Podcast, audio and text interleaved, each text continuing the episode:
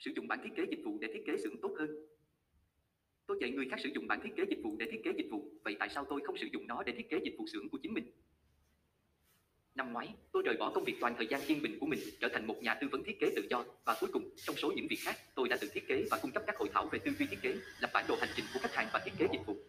Tại một thời điểm nhất định, tôi được yêu cầu quản lý một khóa học ngắn hạn 4 ngày, nghĩa là suy nghĩ về mọi thứ từ chương trình học tổng thể đến chương trình làm việc hàng ngày và vai trò của các giảng viên và trợ giảng được mời. Danh sách khó hiểu, bản đồ rõ ràng và tuyệt vời. Chưa bao giờ làm điều này trước đây, tôi bắt đầu lập kế hoạch toàn bộ bằng cách viết ra một danh sách có gạch đầu dòng. Tôi đã thấy những người khác làm theo cách đó và tự nhiên cho rằng đó là con đường để đi. Hóa ra việc lập kế hoạch cho một sự kiện kéo dài 4 ngày phức tạp hơn một chút so với những gì bạn tưởng tượng, thật bất ngờ. Và sau vài lần lặp lại đầu tiên, tôi nhận ra rằng có điều gì đó không hoạt động. Có quá nhiều thứ để nắm bắt, các hoạt động của học sinh được kết nối với nhau, hành động của giáo viên và các hiện vật để tạo ra. Một danh sách có dấu đầu dòng đơn giản là không đủ cho điều đó. Đó là khoảnh khắc tôi nghĩ, này, khóa học mà tôi đang làm thực sự là một dịch vụ. Tôi dạy người khác sử dụng bản thiết kế dịch vụ để thiết kế dịch vụ, vậy tại sao tôi không sử dụng bản thiết kế ở đây? Các hàng đại diện cho hành động của học sinh, hiện vật, kết quả và hành động của giáo viên. Tôi thực sự thích phần giải phẫu của một bản thiết kế dịch vụ của Adam Pivetak được họ giải thích trong hướng dẫn tuyệt vời của họ. Tôi sử dụng nó như một điểm khởi đầu cho tất cả các dự án của mình và điều chỉnh khi tôi thực hiện. Vì vậy, tôi đã ở đây làm việc trên kế hoạch khóa học của mình. Đầu tiên tôi vạch ra hàng hành động, các hoạt động của lớp và học sinh trong 4 ngày. Sau đó, lần lượt tôi điền vào các cột thời điểm phục vụ, hành động của nhân viên, tức là những gì giáo viên phải làm trong mỗi hoạt động, và điểm tiếp xúc, tức là những tạo tác nào, chẳng hạn như mẫu, chúng tôi cần để tạo điều kiện cho các hoạt động và kết quả nào sẽ được tạo ra bởi học sinh. Các cột đại diện cho các khoảnh khắc phục vụ, tức là hành động của học sinh và giáo viên và kết quả thu được tại bất kỳ thời điểm nào tại một thời điểm. Nó hoạt động như một sự quyến rũ, một bức tranh hoàn chỉnh về trải nghiệm dự định đến với nhau, giống như điểm dịch vụ in ấn, phải không? Tôi đã có hình dung về phần cuối của chương trình mà tôi có thể dễ dàng giao tiếp, thảo luận và cập nhật cho tất cả những người có liên quan trong việc đưa nó vào hoạt động. Các giáo viên được mời có thể nhìn thấy những phần họ chịu trách nhiệm và hiểu họ đã đóng góp như thế nào vào tổng thể vĩ đại hơn. Cuối cùng, tôi đã có một danh sách đầy đủ các hiện vật, ví dụ, sang trình chiếu, mẫu, áp phích cần được sản xuất. Hướng dẫn cuối cùng để lập bản đồ hành trình của khách hàng. Lập bản đồ hành trình có vẻ phức tạp, đặc biệt nếu bạn cố gắng thực hiện nó trong hội thảo nhóm. Bài viết này sẽ cung cấp cho bạn một công cụ mạnh mẽ và một mẫu đơn giản, giúp bạn tạo bản đồ hành trình sâu sắc và tạo điều kiện thuận lợi như một chuyên gia. Tại sao lại lập bản đồ hành trình của khách hàng? Lập bản đồ hành trình là một trong những công cụ mạnh mẽ và được sử dụng phổ biến nhất được thiết kế để lập bản đồ, mô tả cách người dùng đạt được mục tiêu của họ. Khi chúng tôi kết hợp kể chuyện và hình ảnh hóa, chúng tôi sẽ đắm mình vào trải nghiệm của khách hàng. Khi được thực hiện đúng cách, giá trị của việc lập bản đồ hành trình là rất lớn. Hiểu lập bản đồ hành trình quá trình buộc chúng ta phải suy nghĩ về trải nghiệm theo cách tổng thể và có cấu trúc hơn nhiều để xác định chuỗi các sự kiện, các giai đoạn chính và sự chuyển tiếp giữa chúng. Xây dựng sự đồng cảm khi bạn hồi tưởng lại trải nghiệm của khách hàng trong định dạng câu chuyện, bạn hồi tưởng lại cảm xúc và cảm nhận nỗi đau và sự thất vọng mà người dùng cảm thấy. Điều này giúp bạn hiểu được động lực của họ. Xác định các điểm đau, điều này hoàn toàn quan trọng vì mỗi sản phẩm sẽ giúp cuộc sống của người dùng dễ dàng hơn. Nếu bạn hiểu được nỗi đau, bạn sẽ được trao quyền để cải thiện trải nghiệm. Các biến thể của bản đồ hành trình Bản đồ có nhiều dạng khác nhau tùy thuộc vào ngữ cảnh và mục tiêu kinh doanh. Một số yếu tố thường được bao gồm và tất cả phần còn lại để diễn giải hoang dã. Nhiều mẫu được trang trí quá mức và phức tạp, chúng trở thành những sản phẩm thiết kế kỳ lạ hơn là một công cụ hiệu quả để tạo ra cái nhìn sâu sắc. Đây là những gì bạn nhận được nếu bạn Google hình ảnh tìm kiếm bản đồ hành trình của khách hàng. Điều này thực sự có thể khiến ai đó đang cố gắng hiểu phương pháp này làm trật bánh. Bản đồ hành trình nguyên trạng so với hiện tại trạng thái nguyên trạng của một quá trình là trạng thái hiện tại. Đó là các quy trình hoạt động trước khi chúng tôi thực hiện bất kỳ thay đổi hoặc cải tiến nào. Mặt khác, quá trình sắp xảy ra là trạng thái trong tương lai. Hành trình người dùng và bản đồ hành trình khách hàng cấu trúc và cách tiếp cận giống hệt nhau, sự khác biệt nằm ở tính cách. Đôi khi người dùng của bạn có thể là khách hàng và trong những trường hợp khác, khách hàng là một nhóm người hoàn toàn khác, phương thức trong phần mềm doanh nghiệp. Bản đồ Hành trình so với bản thiết kế dịch vụ trận đó bản đồ hành trình tập trung vào việc thể hiện trải nghiệm từ đầu đến cuối của khách hàng của bạn. Bản vẽ chi tiết tập trung vào việc thể hiện toàn bộ phần cốt lõi của doanh nghiệp tạo nên hậu trường và hậu trường về cách bạn cung cấp và vận hành, đồng thời gắn điều đó với trải nghiệm của khách hàng. Bạn có thể tìm hiểu thêm về điều này trong sự khác biệt giữa bản đồ hành trình và bản thiết kế dịch vụ của Megan Erin Miller và Eric Flam. Mẫu càng đơn giản thì càng dễ điền vào. Không có cái gọi là mẫu bản đồ hành trình lý tưởng, nhưng bạn cần phải bắt đầu từ đâu đó. Mẫu này là kết quả của quá trình thử nghiệm lâu dài và thử nghiệm các biến thể khác nhau, được lập bản đồ riêng lẻ và trên các hội thảo, bao gồm cả hội thảo từ xa. Nó đủ đơn giản để mọi người có được nó ngay lập tức, nhưng có tất cả các điểm dữ liệu cốt lõi mà bạn mong đợi và thậm chí nhiều hơn một chút. Chúng ta sẽ xem xét cách hoàn thành bản đồ này từng bước. Bạn có thể tải xuống bản PDF tại đây. Làm thế nào để điền vào bản đồ hành trình? Trong bối cảnh hội thảo, lập bản đồ hành trình là một bài tập tuyệt vời cho hội thảo tư duy thiết kế. Tốt nhất bạn nên thực hiện theo nhóm, mỗi nhóm 3, 5 người tham gia. Nếu bạn có một nhóm lớn hơn và nhiều cá tính, thật tuyệt khi điều hành chúng song song với nhiều nhóm nhỏ hơn. Tùy thuộc vào độ phức tạp và kiến thức của cuộc hành trình, bạn sẽ có thể hoàn thành bản đồ trong 1,5 giờ. Đối với văn phòng phẩm, hãy lấy nhiều màu sắc của ghi chú bột in, nét vẽ và chấm đỏ dính. Trước khi bạn bắt đầu, hãy làm việc với nhóm để giải thích quy trình và đảm bảo rằng tất cả đều phù hợp với nhau về lý do và cách thức. Thiết lập các giai đoạn. Ở đây, chúng tôi xác định những gì chúng tôi sẽ lập bản đồ, hành trình mà chúng tôi sẽ xem xét và những gì họ đang cố gắng đạt được. Điều này rất quan trọng, không chỉ để đảm bảo tất cả những người đóng góp đều rõ ràng về kịch bản mà còn để có được kết quả hữu ích cho công việc thiết kế tiếp theo của bạn. Diễn viên, bản đồ hành trình này viết về ai? Bản đồ hành trình chỉ nên có một quan điểm duy nhất, một nhân vật đang trải nghiệm nó. Kịch bản và mục tiêu, mô tả tình huống và hoàn cảnh mà diễn viên hoạt động, bổ sung thêm bối cảnh và rõ ràng hơn. Mục tiêu, mô tả kỳ vọng và động lực của cá nhân. Nguyên trạng, hiện tại, làm rõ trạng thái của quy trình tái bút, ngay cả khi bạn giới thiệu một sản phẩm hoàn toàn mới chưa từng tồn tại trước đây, khuyến nghị của tôi là không nên bỏ qua ánh xạ ASCS. Hiểu rõ về các cách làm hiện tại, điểm đau và thói quen sẽ giúp bạn xác thực ý tưởng của mình. Xác định các giai đoạn, Bước 2 là xác định các giai đoạn cấp cao hoặc các giai đoạn của cuộc hành trình. Việc xác định các giai đoạn trước sẽ giúp bạn tiết kiệm rất nhiều thời gian và công sức. Cách dễ nhất để bắt đầu là xác định giai đoạn đầu tiên và cuối cùng và bắt đầu điền một lần vào giữa. Đừng tạo ra quá nhiều giai đoạn, hãy chia nhỏ hành trình thành những đoạn có ý nghĩa. Đang làm. Hành động là các bước và hành vi thực tế được người dùng thực hiện trong một giai đoạn nhất định. Đừng cố gắng quá toàn diện và chi tiết, hãy tập trung vào những gì cần thiết để chuyển sang giai đoạn tiếp theo. Suy nghĩ, cảm xúc và cảm xúc. Mô tả Cả suy nghĩ, câu hỏi và cảm xúc của người dùng có liên kết chặt chẽ với hành động mà người dùng thực hiện. Thường được tách ra trong các mẫu khác, tôi tin rằng việc hợp nhất chúng là lựa chọn đúng đắn. Mọi người thường gặp khó khăn trong việc phân biệt bản thân. Ở đây, tôi không khuyên bạn nên dành thời gian cho các đường cong cảm xúc được thực hiện nhiều hơn để thu hút thị giác, thay vì bất kỳ giá trị cụ thể nào khác. Điểm tiếp xúc Ở đây, chúng tôi muốn làm nổi bật tất cả các tương tác kỹ thuật số hoặc vật lý với các công cụ, con người hoặc dịch vụ khác, Tôi tin rằng mức độ bao phủ cao của các điểm tiếp xúc là cực kỳ hữu ích để phù hợp hơn với các mô hình tinh thần của người dùng, xác định các cơ hội tích hợp hoặc sự mâu thuẫn trong dịch vụ kinh doanh. Nếu bạn đã làm việc trên bản đồ đồng cảm hoặc VTC chuyển tiến trình của bạn, nếu bạn điền thông tin này vào hội thảo, rất có thể bạn với nhóm đã tạo một bản đồ đồng cảm hoặc khung đề xuất giá trị. Không cần phải tạo lại cùng một nội dung nhiều lần và làm phiền những người tham gia của bạn. Sau khi bạn chụp nhanh một bức ảnh của các sản phẩm được giao trước đó, hãy chuyển tiến trình lên bản đồ. Điều tương tự cũng có thể nói đối với lập bản đồ mối quan hệ, bản phát thảo hoặc câu hỏi, bạn có thể xếp tất cả chúng lên đầu hành trình của mình. Điền hết giai đoạn này đến giai đoạn khác. Sau khi bạn hoàn thành cột giai đoạn đầu tiên, hãy lần lượt chuyển qua tất cả các giai đoạn tiếp theo. Xác định các điểm đau. Cung cấp cho mỗi người đóng góp một vài chấm đỏ để họ có thể bỏ phiếu trên bản đồ. Nỗi đau có thể liên quan đến cả cảm xúc, như sợ cung cấp thông tin cá nhân hoặc hành động, như nhập tất cả các chi tiết thanh toán theo cách thủ công. Đó là lý do tại sao tốt hơn là bạn không nên tạo một hàng riêng biệt cho các điểm đau. Sử dụng hậu màu đỏ nếu bạn cần mô tả rõ hơn điểm đau. Xoa dịu nỗi đau bằng những ý tưởng cải tiến. Chúng tôi đến giai đoạn cuối cùng của chúng tôi. Sau khi xác định được điểm đau, chúng ta có thể bắt đầu nảy sinh ý tưởng về cách có thể xoa dịu hoặc loại bỏ nỗi đau khỏi cuộc hành trình. Ý tưởng cải tiến thường là các tính năng, dịch vụ hoặc tích hợp mà chúng tôi có thể kích hoạt. Nắm bắt những ý tưởng hoang dã, đây là không gian cho sự đổi mới. Hoàn thành tốt hơn hoàn hảo. Rất dễ bị xa lưới trong những pha tranh chấp những điểm nhỏ nhặt và không liên quan. Rất thường xuyên, tôi đã thấy các nhóm bị mắc kẹt ở giai đoạn đầu, tranh luận và không hoàn thành bản đồ trong khoảng thời gian. Không có một hành trình hoàn hảo duy nhất vì nhiều người dùng khác nhau sẽ có những thói quen khác nhau và tiếp cận vấn đề từ những góc độ khác nhau. Vì vậy, vai trò của bạn với tư cách là người hỗ trợ là giữ cho mọi người được liên kết và tập trung vào 80% các trường hợp sử dụng chính, không phải tất cả các trường hợp cạnh có thể xảy ra. Cách xây dựng bản đồ hành trình của khách hàng Làm một người nói tiếng Anh không phải là bản ngữ, bài viết này có thể có lỗi ngôn ngữ, Bản đồ hành trình của khách hàng có thể được thể hiện một cách trực quan theo một cách rộng rãi, nhưng tất cả chúng đều tuân theo một cơ sở và trên đó bạn có thể tạo ngày càng nhiều hơn, tùy theo nhu cầu của bạn và có thể trở nên rất phức tạp. Adam Richardson của Florida viết trên tạp chí Harvard Business Review nói. Bản đồ hành trình của khách hàng là một ý tưởng rất đơn giản, một sơ đồ minh họa các bước mà các khách hàng của bạn trải qua khi tương tác với công ty của bạn, cho dù đó là sản phẩm, trải nghiệm trực tuyến, trải nghiệm bán lẻ hay dịch vụ hoặc bất kỳ sự kết hợp nào. Bạn càng có nhiều điểm tiếp xúc thì một bản đồ như vậy càng phức tạp nhưng cần thiết. Đôi khi, bản đồ hành trình của khách hàng là cái nôi đến cái chết, xem xét toàn bộ vòng cung của sự tương tác. Các thành phần bắt buộc phải có của bản đồ hành trình của khách hàng.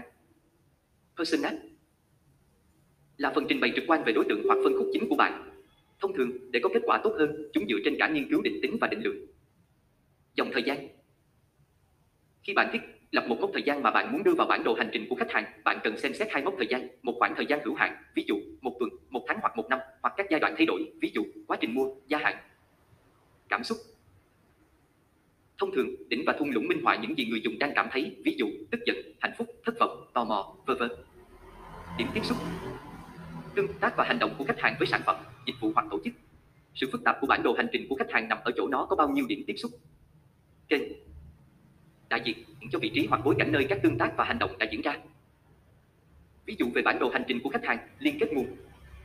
Quá trình Quá trình lập bản đồ hành trình của khách hàng cũng dựa trên các công cụ khác, đây là hình dạng của các kết quả khác nhau thu được. Mục xem xét các mục tiêu, điều cần thiết là phải thiết lập các mục tiêu về tổ chức, dịch vụ, sản phẩm và mục tiêu hành trình của khách hàng. Hay thu thập nghiên cứu, khi bạn quyết định đi xa hơn và sử dụng một số công cụ sẽ giúp bạn tổng hợp thông tin về người dùng, thì việc nghiên cứu họ là điều bắt buộc. Nghiên cứu này có thể là sử dụng các phương pháp định tính hoặc định lượng, từ khảo sát đến phỏng vấn sâu. 3. Động não xung quanh điểm tiếp xúc và kênh. Khi bạn đề cập đến điểm tiếp xúc, bạn đề cập đến tương tác của người dùng. Trong giai đoạn này, bạn có một phiên động não, trong đó bạn sẽ xác định các tương tác của người dùng với tổ chức, dịch vụ hoặc sản phẩm của bạn và bối cảnh cho họ.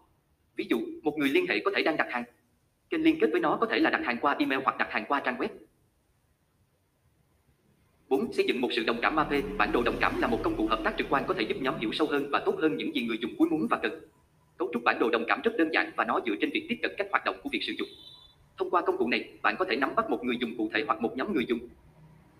5. Xây dựng biểu đồ ái lực. Sau khi động não nhiều, bạn cần thu thập tất cả thông tin của mình được sắp xếp thành các nhóm hoặc chủ đề dựa trên mối quan hệ của chúng. Nó chịu trách nhiệm về sơ đồ mối quan hệ, một phương pháp được sử dụng trong quá trình tư duy thiết kế. 6. Phát thảo cuộc hành trình. Tất cả thông tin thu thập được trong các giai đoạn trước có thể được đưa vào thành hình. Thông thường, bản phát thảo này được tạo trên một bản trắng hoặc nhiều bản trắng, tùy thuộc vào mức độ phức tạp của nó. Bạn nên phát thảo trên một chất liệu có thể xóa nhanh chóng vì đó sẽ là lúc bạn phải xem xét lại một số điều. Bạn sẽ cần phải xóa hoặc sửa đổi các phần tử. 7. Tinh chỉnh và số hóa. Sau khi bản phát thảo đã sẵn sàng và được những người có liên quan trong toàn bộ quá trình xem xét, bạn có thể bắt đầu số hóa nó. Bạn có thể sử dụng một công cụ chuyên dụng hoặc một tài liệu Word hoặc slide PowerPoint đơn giản để bắt đầu kết hợp tất cả lại với nhau. Sau đó, nên chia sẻ hình ảnh đại diện cho toàn bộ những người tham gia vào quá trình, không chỉ đối với những người trong tổ chức hoặc các bên liên quan có thể tương tác với tổ chức, dịch vụ hoặc sản phẩm. Bạn nghĩ gì về bản đồ hành trình của khách hàng hoặc người dùng? Những ngày làm tư vấn yêu ác đã cho tôi cơ hội làm việc với các công ty thuộc mọi hình dạng và quy mô. Tại một số nơi, tôi được giao nhiệm vụ thiết lập một quy trình trong khi ở những nơi khác, tôi là một trong những đội lớn. Mặc dù những vai trò này cũng đa dạng như những nơi đã cung cấp chúng cho tôi, nhưng có một số chủ đề rất dễ quan sát chung về chúng. Vấn đề muốn nói cụ thể về một trong số chúng, sự cám dỗ để chuyển sang phỏng vấn người dùng bất cứ khi nào có yêu cầu tính năng mới từ chủ sở hữu sản phẩm. Sự khởi đầu không may này sau đó dẫn đến việc nhóm yêu ác cố gắng hình thành tuyên bố vấn đề trong khi nói chuyện với người dùng. Các câu hỏi phỏng vấn người dùng sau đó sẽ đi theo 100 hướng khác nhau và các câu trả lời kết quả là quá rộng để đưa ra bất kỳ điều gì có thể hành động được. Dung dịch Bắt đầu với các cuộc phỏng vấn các bên liên quan và thực hiện chúng một cách nghiêm túc. Nhưng tôi làm việc trong một công ty khởi nghiệp và tôi chỉ có một người quản lý dự án. Tôi chỉ có thể nhận được những yêu cầu ban đầu từ cô ấy trong một cuộc họp nhanh chóng. Sai. Bên liên quan không chỉ là sếp của bạn hoặc giám đốc sản phẩm của bạn. Tất cả mọi người sẽ tham gia vào việc đưa tính năng này thành hiện thực. Điều này bao gồm người quản lý sản phẩm, người quản lý kỹ thuật, kỹ sư, nhóm thành công của khách hàng và nếu công ty có quy mô nhỏ, ngay cả những người ở cấp độ C. C. Bạn vừa nói rằng khi bạn đến một cuộc phỏng vấn mà không có mục tiêu, bạn sẽ nhận được những câu trả lời thực sự rộng rãi và không thể hành động được và bây giờ bạn đang nói với tôi trước hết hãy nhảy vào cuộc phỏng vấn với các bên liên quan. Mục tiêu ở đây là gì? Đầu tiên, tôi xin chúc mừng bạn về kỹ năng hiểu hoàn hảo của bạn. Bạn hoàn toàn đúng. Mặc dù vậy, việc đưa ra các mục tiêu cho các cuộc phỏng vấn các bên liên quan là hơi đơn giản bởi vì không giống như các cuộc phỏng vấn người dùng, chúng thường giống nhau. Bạn cần hiểu những điều sau. Tính năng, sản phẩm, cải tiến được yêu cầu là gì? Dòng thời gian dự kiến trong tâm trí các bên liên quan là gì? Chúng có thẳng hàng không? Người dùng dự định cho tính năng, sản phẩm là ai? Những ràng buộc, lo lắng tồn tại liên quan đến nỗ lực này là gì? Dù các mục tiêu rộng đều giống nhau, nhưng câu hỏi của bạn có thể khác nhau tùy thuộc vào người bạn đang nói chuyện với. Ví dụ, bạn sẽ hỏi CTO về các hạn chế kỹ thuật trong khi nhân viên bán hàng có thể cho bạn biết về những phàn nàn thường xuyên nhất từ người dùng. Nếu bạn cần trợ giúp, Usebit cho phép bạn quản lý các bên liên quan và cung cấp các câu hỏi mặc định mà bạn có thể sử dụng làm điểm khởi đầu. Các câu hỏi bạn có thể muốn hỏi các bên liên quan của mình, tín dụng, Usebit. Tổng hợp. Bạn đã thu thập tất cả các phản hồi này bây giờ những gì? Trước khi làm bất cứ điều gì khác, bạn cần đảm bảo rằng có sự đồng thuận giữa các bên liên quan và nhóm của bạn. Một sự đồng thuận về cái gì? Câu hỏi hay. Dưới đây là một số điều bạn nên hiểu chung trước khi tiếp tục. Định nghĩa sản phẩm hoặc tính năng. Mất thời gian. Hạn chế. Người dùng chính. Chỉ số thành công. Các bên liên quan quan trọng. Làm thế nào để bạn đi về việc tóm tắt nó? Nếu số lượng các bên liên quan thấp ngày 2 tháng 3, bạn có thể trích xuất các phát hiện của mình theo cách thủ công. Tuy nhiên, nếu số lượng lớn, tôi khuyên bạn nên sử dụng sơ đồ mối quan hệ để rút ra các chủ đề phổ biến và các giả định mâu thuẫn. Sơ đồ sở thích là một cách nhanh chóng và hiệu quả để tóm tắt dữ liệu thô, tín dụng, UCB. Lợi nhuận là làm cho các bên liên quan trở thành chủ sở hữu của quá trình thiết kế. Lợi ích quan trọng nhất của giai đoạn này là làm cho các bên liên quan cảm thấy như họ chia sẻ quyền sở hữu đối với quá trình thiết kế.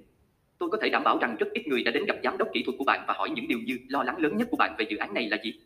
Loại tương tác này không chỉ cung cấp cho bạn dữ liệu tốt về các ràng buộc mà còn cho các bên liên quan của bạn cơ hội để suy nghĩ về dự án một cách tổng thể. Hơn nữa, bạn nhận được sự ủng hộ từ những bên liên quan này, những người thường xuyên muốn tham gia vào quá trình thiết kế vì tò mò về những gì bạn đã làm với phản hồi của họ. Thu hút mọi người trên cùng một trang, phỏng vấn các bên liên quan là rất quan trọng để xác định kỳ vọng cả từ quan điểm của dự án và từ những gì mà nhóm yêu ác mang lại. Không cần phải nói, xung đột trong các giả định và kỳ vọng của các bên liên quan nếu được cho phép vẫn bị chôn vùi, dẫn đến rất nhiều vấn đề. Tất cả chúng tôi đã ở đó, CEO dự kiến dự án sẽ hoàn thành vào ngày mai, trong khi phó giám đốc kỹ thuật nghỉ 3 tuần, trưởng phòng kinh doanh cho rằng đây là một bài tập để tăng mức độ chấp nhận trong khi giám đốc sản phẩm cho rằng nhóm yêu ác sẽ tìm ra những tính năng mới mà người dùng muốn. Hiểu rõ, rõ hơn về cách tiến hành quy trình yêu ác đến vòng tròn đầy đủ, phỏng vấn và tổng hợp các bên liên quan hỗ trợ quy trình yêu ác của bạn với kế hoạch phù hợp để tiến tới. Một dự án dự kiến được thực hiện trong 3 tháng có lẽ sẽ có một quy trình khác nhiều so với một dự án sẽ đến hạn trong 3 tuần. Tương tự như vậy, một dự án có sự thành công được xác định bằng các chỉ số áp dụng sẽ có các câu hỏi phỏng vấn người dùng khác nhiều so với một dự án trong đó xác nhận là mục đích chính. Tóm lại, phỏng vấn các bên liên quan là rất quan trọng. Đừng bỏ qua chúng dù cám dỗ mạnh mẽ đến đâu. Không mất nhiều thời gian để nói chuyện với một vài bên liên quan chính nhưng sự hiểu biết sâu sắc thu được rất có giá trị để mang lại kết quả tốt nhất. Nếu bạn đồng ý, tôi đánh giá cao một vài cái vỗ tay. Nếu bạn không, tôi rất muốn nghe ý kiến của bạn và các bạn tiếp cận quá trình trải nghiệm người dùng của mình. Hướng dẫn cuối cùng cho các cuộc phỏng vấn các bên liên quan, hiểu khách hàng của bạn, Phỏng vấn các bên liên quan là một vấn đề lớn trong thiết kế yêu ác. Họ giúp thiết lập nền tảng cho bất kỳ dự án nào bằng cách cung cấp những hiểu biết có giá trị mà nếu không thì rất khó, thậm chí là không thể có được. Những thông tin chi tiết này hướng dẫn quy trình của toàn bộ dự án, chẳng hạn như mục tiêu kinh doanh, hạn chế kỹ thuật, các vấn đề về khả năng sử dụng và hơn thế nữa. Tải xuống mẫu phỏng vấn các bên liên quan và có quyền truy cập vào hơn 120 câu hỏi. Chọn và chọn những câu hỏi phù hợp nhất với dự án của bạn và tận hưởng một cuộc phỏng vấn các bên liên quan không căng thẳng. Khi được lập kế hoạch và thực hiện đúng cách, phỏng vấn các bên liên quan là một trong những công cụ nghiên cứu hiệu quả nhất được sử dụng trong thiết kế yêu ái. Do đó, bạn cần phải xem xét chúng một cách nghiêm túc nếu bạn muốn tạo ra một thiết kế mà mọi người sẽ hài lòng, cả người dùng và khách hàng. Vì vậy, điều đầu tiên trước tiên, phỏng vấn các bên liên quan là gì? Phỏng vấn các bên liên quan là cuộc trò chuyện trực tiếp với những người quan tâm đến sự thành công của sản phẩm mà bạn đang làm việc. Một bên liên quan là bất kỳ ai trong tổ chức có thể đưa ra lời khuyên hữu ích về sản phẩm và cuối cùng giúp đơn giản hóa quy trình thiết kế. Ngoài ra, các bên liên quan dựa vào thành công của sản phẩm để đạt được lợi ích riêng của họ, dù là cá nhân hay nghề nghiệp. Mặc dù đây thường là những nhân viên cấp cao, nhưng các bên liên quan có thể là những nhân viên cấp thấp hơn hoặc thậm chí là những người dùng nổi bật. Nhưng điều gì sẽ xảy ra nếu bạn đã thảo luận về dự án với người quản lý dự án và đồng ý về phạm vi của mọi thứ? Điều này có nghĩa là bạn nên bỏ qua các cuộc phỏng vấn với các bên liên quan. Tuyệt đối không bạn sẽ ngạc nhiên về mức độ khác nhau của mỗi bên liên quan tương tác với sản phẩm. Phân tích những góc nhìn này sẽ giúp bạn hiểu rõ hơn những gì các bên liên quan muốn và cần từ sản phẩm. Một khi bạn thu thập thông tin này, bạn sẽ được trang bị tốt hơn để cung cấp một thiết kế tuyệt vời phù hợp với tất cả các hộp. Tại sao chúng lại quan trọng đối với quá trình thiết kế? Phỏng vấn các bên liên quan là công cụ nghiên cứu có giá trị được sử dụng để bắt đầu quá trình thiết kế. Họ tập trung vào việc trích xuất thông tin từ ba lĩnh vực chính trong thiết kế yêu ái. Nhu cầu của người dùng. Thiết kế sẽ giúp ích gì cho người dùng? Mục tiêu kinh doanh Làm thế nào thiết kế sẽ hỗ trợ các mục tiêu kinh doanh? Những hạn chế về kỹ thuật Những trở ngại kỹ thuật nào cần phải vượt qua? Phỏng vấn các bên liên quan là một cách tuyệt vời để nắm bắt được tình hình. Chúng giúp bạn hiểu hành vi của người dùng, phân biệt các ràng buộc và xác định các điểm khó khăn. Một vấn đề cũng đã nêu là một vấn đề nữa giải quyết. Chatler Catering. Nhưng đó chỉ là phần nổi của tảng băng chìm. Có một số lợi ích khi sử dụng phỏng vấn các bên liên quan trong thiết kế yêu ác, chẳng hạn như Xác định mục tiêu. Có được ý tưởng rõ ràng hơn về phạm vi và các thông số của dự án bằng cách nói chuyện với nhiều bên liên quan. Lấy bối cảnh để giúp bạn đặt mục tiêu rõ ràng, thiết lập các mốc quan trọng và ưu tiên các nhiệm vụ. Cải thiện giao tiếp. Ngồi xuống với các bên liên quan là cơ hội hoàn hảo để thực sự tìm hiểu những người làm việc ở hậu trường. Sự hợp tác và mối quan hệ tốt với các bên liên quan cũng sẽ mang lại cho bạn cảm giác được đánh giá cao hơn và xác nhận những nỗ lực thiết kế của bạn. Chia sẻ một tầm nhìn gắn kết. Nói chuyện với nhiều bên liên quan để làm sáng tỏ nhiều quan điểm, làm như vậy sẽ đảm bảo rằng bạn đang ở trên cùng một trang với mọi người ngay từ đầu và giúp bạn không phải đoán lần thứ hai về các quyết định thiết kế của mình sau này. Kiếm được sự tin tưởng và mua vào. Việc cho các bên liên quan thấy rằng ý kiến của họ quan trọng sẽ không chỉ cung cấp cho bạn dữ liệu tốt để làm việc mà còn giúp bạn tin tưởng và ủng hộ. Bạn sẽ thấy rằng luôn dễ dàng hơn khi làm việc với những khách hàng cảm thấy rằng tiếng nói của họ đang được lắng nghe trong quá trình thiết kế. Có nhiều điều để học hỏi từ các bên liên quan. Bạn chỉ cần sẵn sàng lắng nghe và ghi chép. Cách thực hiện một cuộc phỏng vấn các bên liên quan Việc không lên kế hoạch và thực hiện một cuộc phỏng vấn với các bên liên quan một cách chính xác có thể trở lại ám ảnh bạn. Đây là cách bạn nên lập kế hoạch và thực hiện một cuộc phỏng vấn thành công với các bên liên quan. Thiết lập mục tiêu. Bắt đầu nghiên cứu yêu ái của bạn bằng cách đặt mục tiêu cho cuộc phỏng vấn với các bên liên quan, cụ thể là những gì bạn muốn tìm hiểu từ những người được phỏng vấn. Dưới đây là những thông tin quan trọng mà bạn sẽ muốn biết khi kết thúc cuộc trò chuyện. Mục tiêu kinh doanh. Ngắn hạn và dài hạn là gì? Vai trò của cổ đông. Trong công ty là gì? Người dùng là ai? Một vài đối thủ cạnh tranh chính là gì? Có bất kỳ giới hạn công nghệ